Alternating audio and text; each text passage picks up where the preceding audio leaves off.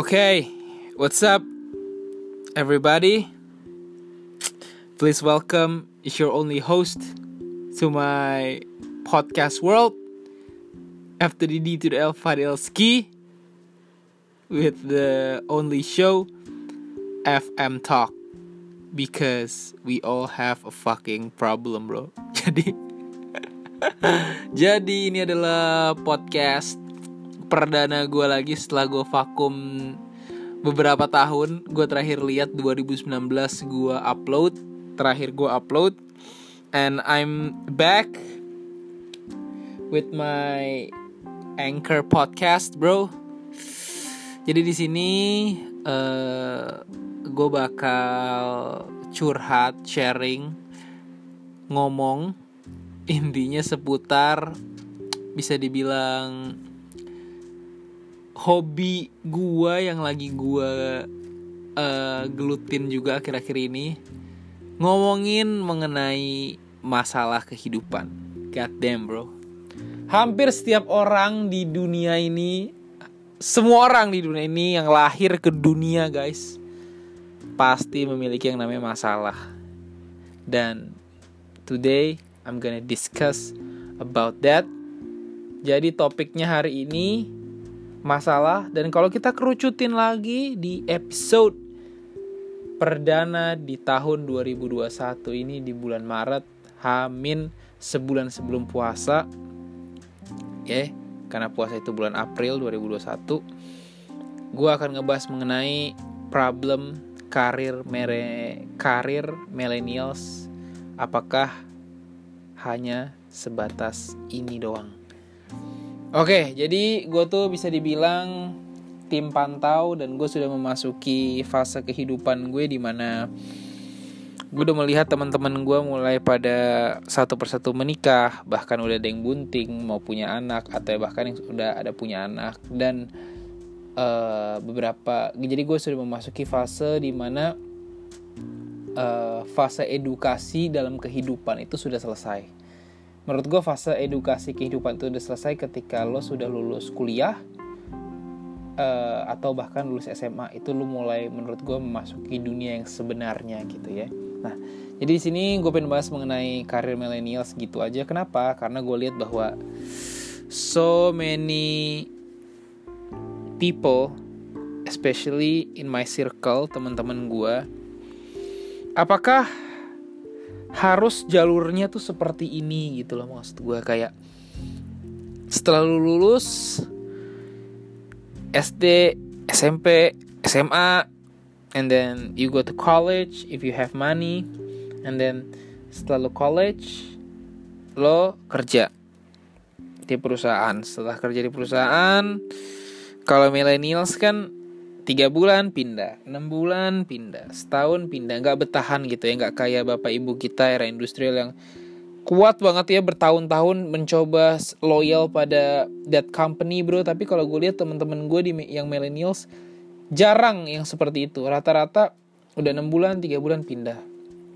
dan pindah-pindah terus kayak tidak punya pendirian. Wadaw, gitu ya. Enggak sih, enggak semua ya. Ingat ya, enggak semua. Tapi poinnya tuh gue ngerasanya gini loh apakah jalurnya harus seperti itu semuanya? Gitu loh maksud gue semuanya tuh kayak lo lulus uh, eh, SD SMP habis SMP SMA habis SMA kuliah habis kuliah lo kerja dapat gaji yang aman cari posisi tinggi tingginya gaji yang aman nanti hidup lu bakal aman selamanya sampai lu tua. Habis itu setelah lu tua lu pensiun hidup dari pensiun. Maksud gue Apakah harus seperti itu semuanya?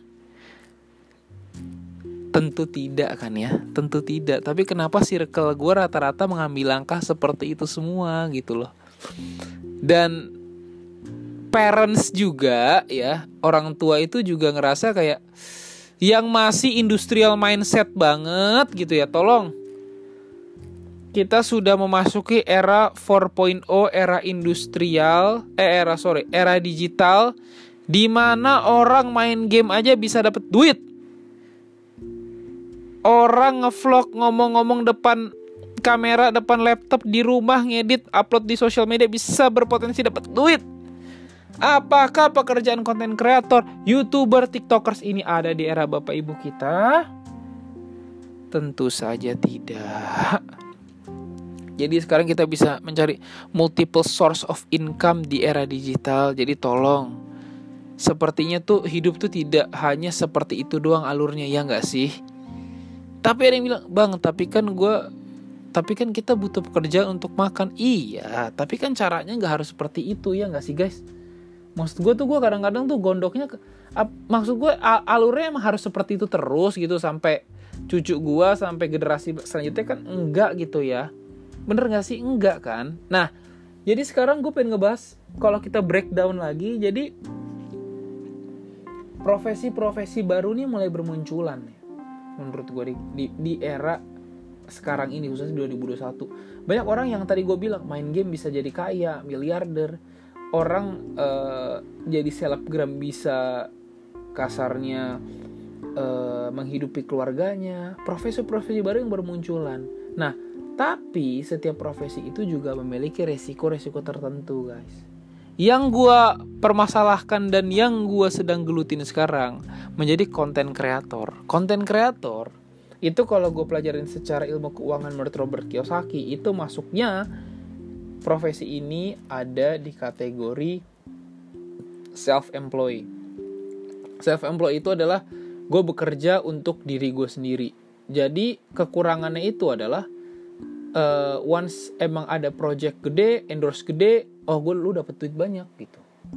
Mungkin gaji-gaji karyawan lewat pada umumnya. Tapi once bulan itu lu tidak ada endorsement atau tidak ada project bahkan lu bisa tidak ada pemasukan. Beda sama lu karyawan. Kalau lu menjadi karyawan ya corporate slave ya yang kata orang-orang itu corporate slave jadi lo tuh menukarkan uh, waktu lu itu untuk uang. Maksudnya gini loh jadi kayak lo sudah ada pasti nih per bulan. Contoh misalnya per bulan lu 5 juta. Ya.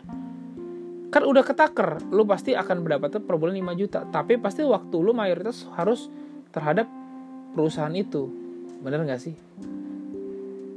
Uh, prioritas lo adalah perusahaan itu dan lo akan terbatas untuk membeli apa pun. Kenapa? Karena ya lo udah tau lah gaji lo 5 juta, lo nggak mungkin dong bisa beli mobil Mercy C200 CLS gitu ya. Bener nggak sih? Mentok-mentok ya, lo harus mikir sendiri gitu. Apa gue cuma bisa stuck di beli motor doang, atau bahkan cuma buat biaya hidup doang. Intinya serba terbatas kalau menurut gue gitu ya. Nah, kalau kita balik lagi ke karir millennials gitu ya gue ngerasa bahwa uh, banyak banget rumor-rumor juga yang mengatakan bahwa millennials nggak bisa beli rumah. Bro kita realistis aja men. Coba. Maksud gue gini loh. Lo kerja di kantor fresh graduate. Taruhlah misalnya 5 atau 6 juta. Atau ya 4 juta sampai 6 juta lah karir gitu. Sedangkan bro rumah di Jakarta ya khususnya lo yang tinggal di Jakarta atau kota-kota satelit deh. Ya Depok Tangerang atau apa pun itu nah itu kan harga tanah terus naik tapi gaji lo segitu-segitu aja gitu loh maksud gue nah ini yang maksud gue tuh gue juga ngerasa bahwa apa iya gitu loh? Maksud generasi kita nih 90s milenial nih gak bisa beli rumah. Beda halnya kalau lo emang uh, anak konglomerat gitu ya. Anak pengusaha sukses yang lo cuma ngangkang-ngangkang doang atau lo anak orang Betawi yang super tajir punya ratusan pintu kontrakan gitu ya aset lo miliaran segala macem dari engkong lo dari babel lo ya udah gitu santai aja gitu. Tapi beda kalau kita ngomongin orang average rata-rata atau below average. Bagaimana dengan mereka gitu lo maksud gue ini uh, satu menurut gue hal yang agak creepy tapi we must face it. Iya nggak sih men? Ya kalau lu cuma ngandelin one source of income misalnya gaji doang lu nggak akan bisa kebeli rumah. Menurut gua ya nggak akan bisa bro. Lu mau KPR kalau lu KPR juga gue belajar ilmu finansial keuangan itu lu masuknya ke red race. Maksudnya jadi red race tuh jadi lu kayak seperti tikus yang atau hamster yang cuman lari-lari di uh, mainan lu doang itu lo dalam kotak itu loh bro. Jadi kayak lo tuh bekerja seumur hidup lo cuman bayar hutang doang itu loh maksud gue gue sih nggak mau ya seperti itu ya. Nah makanya gue mencoba hal-hal profesi lain gitu loh. Atau gue bisa dibilang gue chasing my dream ngikutin uh, apa namanya apa yang gue suka dan gue tahu nih strength gue di sini weakness gue di sini. Jadi gue uh, ngikutin jati diri gue gitu loh. Bukan karena gue harus ngikutin alur kehidupan. Kayak yang tadi gue bilang maksud gue kayak apa iya semuanya harus seperti ini gitu? Kan enggak menurut gue ada orang yang mungkin usia 23 dia bisa jadi miliarder punya bisnis sendiri omset ratusan juta miliaran udah bisa beli mobil dua pintu. Ada yang 19 tahun udah bisa beli mobil sendiri segala macam. Kayak semua orang tuh punya timingnya masing-masing gitu loh maksud gue iya gak sih? Dan kalau kita tadi balik lagi ke breakdown yang pertama rumor millennials nggak bisa beli rumah menurut gue itu adalah uh, reality yang probability-nya itu besar dan bener banget. Kalau lo masih berpikiran hanya mengandalkan one source of income doang gitu loh. Itu satu. Oke yang kedua menurut gue kita ini millennials itu adalah generasi yang nanggung kenapa? Karena kalau gue lihat kita ini adalah generasi yang generasi transisi men. Maksudnya gini loh men. Uh, kita tuh ada di antara bisa dibilang generasi baby boomers masih industrial mindset tapi kita tuh mau transisi ke era digital jadi kayak generasi nanggung gitu. Tapi kalau gue lihat generasi X Y Z di bawah gue gitu ya kelahiran tahun 2021 atau kelahiran tahun-tahun itu gitu itu dari kecil udah dijajalin iPad udah dijajalin main game Mobile Legend PUBG gitu loh maksud gue nonton YouTube. Di era gue dulu mana ada bro. Game Boy paling Nintendo DS PSP maksud gue pas era tapi mereka tuh dari kecil benar-benar dari kecil gitu loh men. Maksud gue setahun kali umur umur setahun tuh udah udah udah ketemu gadget. Jadi kayak pas ditanya uh, misalnya Evelyn Evelyn gede mau jadi apa? Aku pengen jadi kayak makeup uh, beauty vlogger ini. Aku pengen jadi misalnya kayak cowok aku pengen kayak jadi Atta Halilintar. Aku pengen jadi jadi kayak ini uh, Deddy Corbuzier youtuber atau kasarnya konten kreator yang dia lihat di YouTube di platform itu. Mereka pengen jadi seperti itu. Bukan lagi yang kayak menurut gue gue pengen jadi dokter gue pengen jadi uh, pilot gue pengen jadi arsitek gue pengen jadi lawyer. Mungkin ada tapi nggak se-hype waktu era bapak ibu kita gitu. Karena kan zaman berubah zaman tuh uh, transisi gitu loh men. Jadi kita harus adapt menurut gue terhadap situasi. Jadi maksud gue kayak kita ini adalah generasi yang nanggung. Iya nggak sih? Lo sadar gak sih bahwa kita ini generasi yang nanggung? Oke. Nah kita lanjut lagi ya. Kalau kita ngomongin ke uh, spesifikasi job dari millennials yang menurut gue hampir 80% orang di dunia bah ya di dunia atau mungkin di Indonesia I don't know. Tapi yang jelas ini menurut gue is a fact. Rata-rata mereka mengambil langkah menjadi employee karyawan bro. Setelah lulus college ya ya you start working with people. Sebenarnya salah nggak? Enggak nggak ada yang salah bro. Lo mau jadi langsung jadi content creator lo mau jadi karyawan lo mau jadi langsung bisnis di lo nggak kuliah langsung nggak ada yang salah. Kenapa? Menurut gue karena kehidupan itu adalah pembelajaran menurut gue jadi kayak setiap langkah yang lo ambil itu adalah pembelajaran hidup lo lo ngambil langkah A ya itu pembelajaran dari hidup lo. Dan setiap langkah pasti ada resikonya.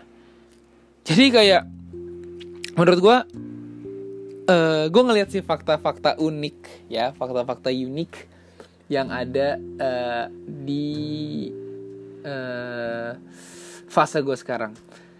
Di ketika dia sudah kerja di kantor gitu ya ada penghasilan tetap per bulan and then yang pacaran lama dia mulai start merit gitu ya. Padahal statusnya masih kontrak gitu di kantornya. Terus ada yang bahkan baru uh, shifting ke usaha tiba-tiba usahanya awal-awal oh laku nih gitu ya. Jual beli laku nih gitu. Ketika laku dapat cuan langsung ngelamar.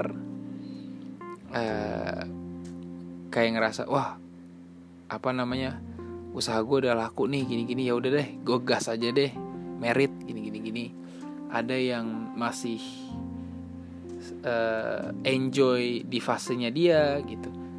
Banyak lah pokoknya kayak gue ngerasanya kayak udah mulai kelihatan gitu kayak orang tuh memang udah di pathnya masing-masing jalannya masing-masing kalau di fase gue sekarang. Dan apakah benar gitu loh men? Ketika lo berusaha udah di fase gua atau misalnya udah di fase kerja gitu ya apakah karya menjadi karyawan itu adalah senjata pamungkas untuk meyakinkan calon mertua karena iya tante om aku sudah bekerja aku punya pekerjaan tetap. Tapi kan siapa sa, bisa dibilang semua pekerjaan itu tidak yang tidak ada yang aman menurut gua gitu loh. Lo mau jadi karyawan ada temen gue yang uh, cukup berprestasi di pageant. Terus uh, sempat ngelamar-lamar ditolak ditolak ditolak. Waktu itu dia cerita sempat kerja mm, and then dia pindah kantor. Baru berapa bulan langsung di cut off. Damn. Tapi ada juga orang yang bertahun-tahun di perusahaan terus uh, nggak di cut off cut off ada. Ada yang baru sekali ngelamar langsung dapat ada jadi kayak ya semakin terlihat lah. Maksud gue kayak tiap orang tuh punya rezekinya masing-masing punya pathnya masing-masing. Tapi kayak this is very interesting topic menurut gue yang bisa gue bahas dan gue angkat kayak damn. Apakah iya ketika lo udah punya pekerjaan tetap pekerjaan tetap tanda kutip gitu ya yang bisa aja satu satu saat tiba-tiba di depak gitu ya kalau lo nggak punya plan B uh, atau source of income yang lain terus lo bisa meyakinkan mertua calon istri lo itu atau soal pasangan lo itu untuk hidup bersama lo gitu lo men. God damn bro. Fase yang ya menurut gue agak-agak creepy but we have to pass this. Jadi ya oke okay. let me know if you have any opinion. Jadi lo bisa DM gue juga di Instagram kalau dengerin podcast gue sampai detik ini sampai menit ini juga. Terus yang ke uh, selanjutnya sorry. Uh, setelah lo mendapatkan pekerjaan tadi yang gue bilang cycle of life menurut gue especially 80% yang teman-teman gue juga ngambil angka entah jadi auditor entah jadi karyawan apalah itu di kantor gitu ya. And you start cicil ini cicil itu karena ngerasa punya uang. Damn gue sampai sekarang gue masih juga interesting ngebahas mengenai financial IQ, financial planning ini kayak very interesting topik banget dan ini penting banget menurut gue. Bukan berapa besar gaji yang lu dapat, pendapatan lu tapi berapa besar yang bisa lu saving per bulan. Itu bro, it's all about ego. Ada orang yang udah kerja 30 tahun, 20 tahun mungkin gak punya tabungan. Ada orang yang ngerti nggak? Maksud gue baru kerja berapa tahun tiba-tiba udah punya tabungan udah punya aset segala macam. Itu balik lagi ke financial planning lu sih. Dan banyak banget sih menurut gue kayak orang-orang yang setelah dia kerja dia mulai nyicil barang-barang yang menurut gue bodoh. Dia ada nih teman gue gue nggak tahu. Nih gue pengen ngangkat real case ya teman gue gue ngerasa dia bukan selebgram dia dia nggak berkarir di sosial media dia nggak melihat bahwa sosial media ini bisa berpotensi menghasilkan uang lewat lo berkreasi lo membuat konten di platform-platform yang yang lo download itu free gitu ya di App Store maupun Google Store gitu ya. Tapi once Apple lagi happening gan uh, berubah bukan berubah sih jatuhnya kayak melakukan inovasi handphone baru dia ganti. Gitu. Padahal handphone lamanya terakhir gue ketemu masih good masih bagus. Tapi si Tokai ini eh tiba-tiba dia ganti handphone bro. Terus pas gue ketemu gue sih biasa aja kayak hmm. yang anehnya gini makan soto sama gua atau makan gue lu makan apa? Iya makan makan makan bareng lah sama gua dia mesen soto komplain bayar 30 ribu anjir gue makan bayar 30 40 ribu lagi nih. Tapi handphone lu iPhone boba gitu loh maksud gue kan kan kan konyol gitu loh maksud gue. Jadi kayak lo lo belum pantas lo nggak melayakan diri lu tapi lo memaksakan jatuhnya. Seharusnya kan lo bisa tetap dengan handphone lo yang lama dan kalau lo ada budget lebih pun lo alokasikan ke investasi entah lo investasi dari leher ke atas dari pendidikan, keuangan, lo ikut seminar atau misalnya lo langsung main ke reksadana atau saham atau emas atau bisnis gitu lo maksud gue. Ini enggak malah beli barang yang sifatnya menurun. Beda halnya ketika lo berprofesi sebagai konten kreator gitu. Lo emang butuh gadget yang mendukung konten-konten lo kan? Jadi makanya lo bisa lo uh, kasarnya diwajibkan juga untuk upgrade hmm, upgrade handphone atau misalnya gadget lo juga gitu loh tapi kalau misalnya lo ngerasa kayak masih bagus atau masih bisa menopang itu ya nggak apa-apa gitu maksud gue bisa lo alokasikan lagi dana lo ke yang tadi gue bilang di sektor aset atau investasi gitu loh maksud.